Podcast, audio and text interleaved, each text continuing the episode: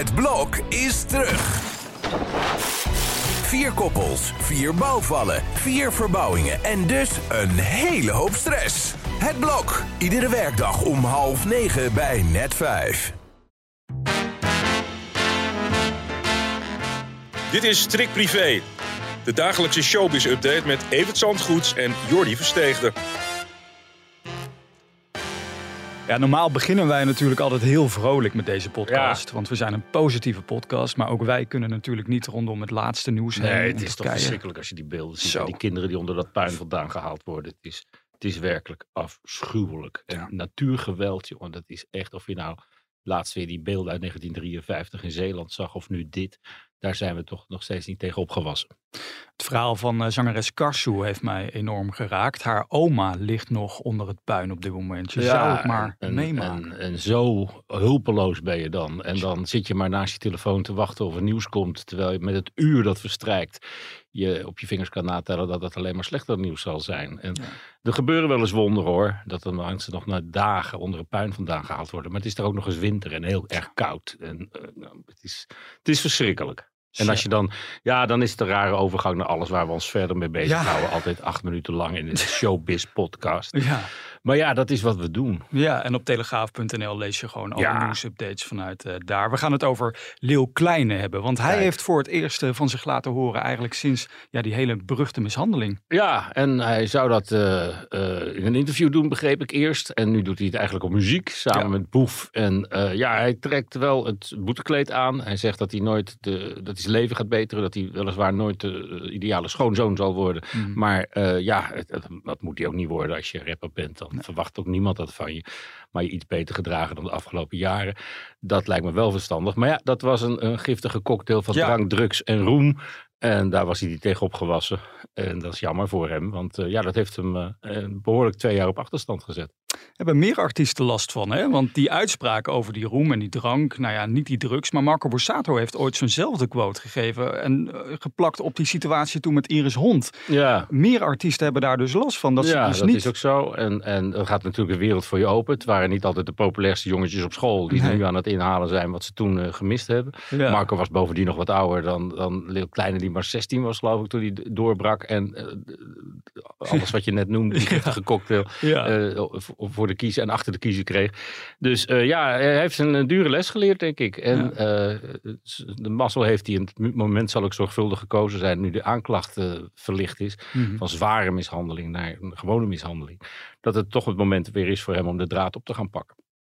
Rachel Hazes die krijgt een eh, veeg uit de frituurpan van eh, Yvonne Kolderweijer, want eh, zij gaat toch een hoger beroep. Ja, Mrs. Croquet noemde ik er gisteren. en, eh, ze is, eh, ja, ze mag het hele, eh, de hele affaire nog een keer door. Ja. Nu er een hoger beroep gaat volgen. En alleen Ja. om dit, hè, om deze Ja. twee woorden. Niet om die hele zaak van het lekken van die brief. Dat is al gerectificeerd, dat is achter de rug. Mhm. Maar eh, een andere rechter gaat zich nu buigen over de vraag of je iemand zo mag noemen. Ik vond het wel opvallend, want Yvonne heeft eerder gezegd van joh, Rachel moet hier het rechtssysteem niet mee lastigvallen met die gecremeerde koket. En nu doet ze het eigenlijk zelf. Ja, maar ja, wel als antwoord op het vorige natuurlijk. En er zijn Ja. veel mensen hoor die vinden dat, eh, dat, dat die rechter hierin te ver gegaan is. Ja. Maar ja, je vraagt die rechter wat, die vindt daar wat van.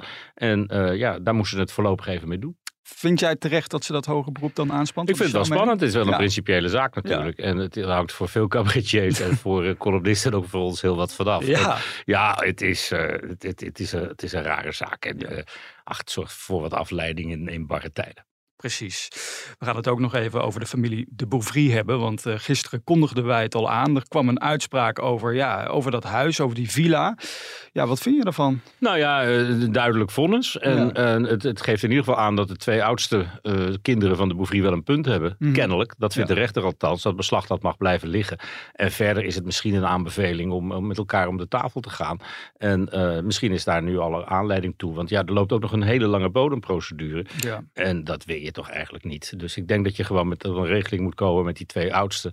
En dat binnenskamers moet regelen. En eh, ja, misschien is dit vonnis wel de opmaat tot eh, toch maar weer eens eh, met elkaar gaan zitten. ja, want gisteren hebben ook beide partijen bij ons gereageerd, geloof ik. Ja, ook die Jan, die jongste zoon, die zei: We weten nog niet wat de vervolgstappen zullen zijn. Dus je Ja. kan inderdaad in hoger beroep.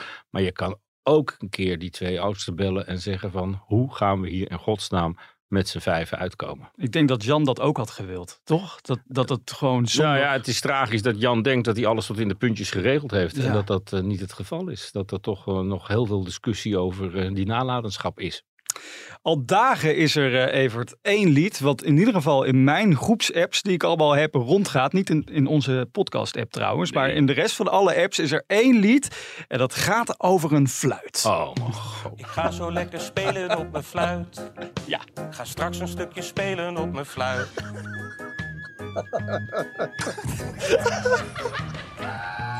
Jordi, je ligt helemaal over de tafel. Ja, ik heb, Even die, ja, ik heb dit gewoon al de hele week. dat je Ik, die tune nog niet hebt aangepast van ons.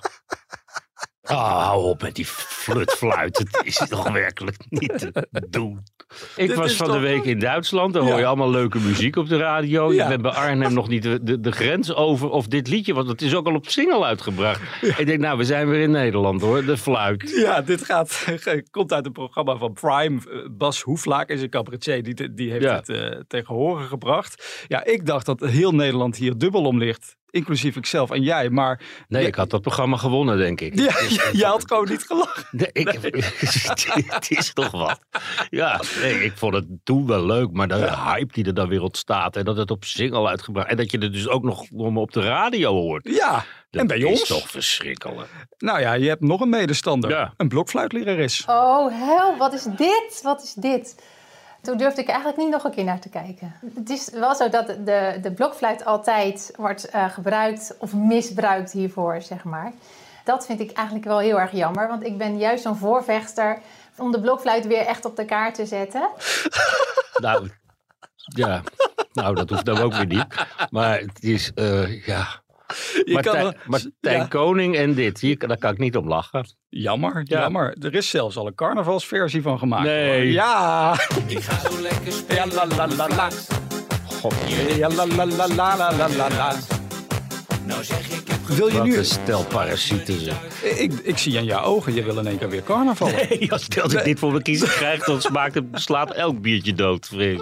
Verschrikkelijk. Dat jij dat nou echt zo Ja. geweldig vindt. Ik vind het hysterisch. Ja, dat Nou, moet ik zeggen. ben Nou ik ja, weer de grumpy old man die er geen reet aan vindt. Maar ik vind er echt helemaal niks aan. dat zeg jij zelf. Ja, Ja. precies. Nou, we blazen deze podcast voor vandaag dan ook maar uit, eh, denk ik. Dan kunnen we weer eh, ons opmaken voor morgen. Want dan is het weer privé En day. haal het niet in je harsjes om een blokfluit toe te voegen aan onze tune. Marieke, laat hem nog eens één keer horen. Tot morgen. Ik ga zo lekker spelen op mijn fluit. Ga straks een stukje spelen op mijn fluit.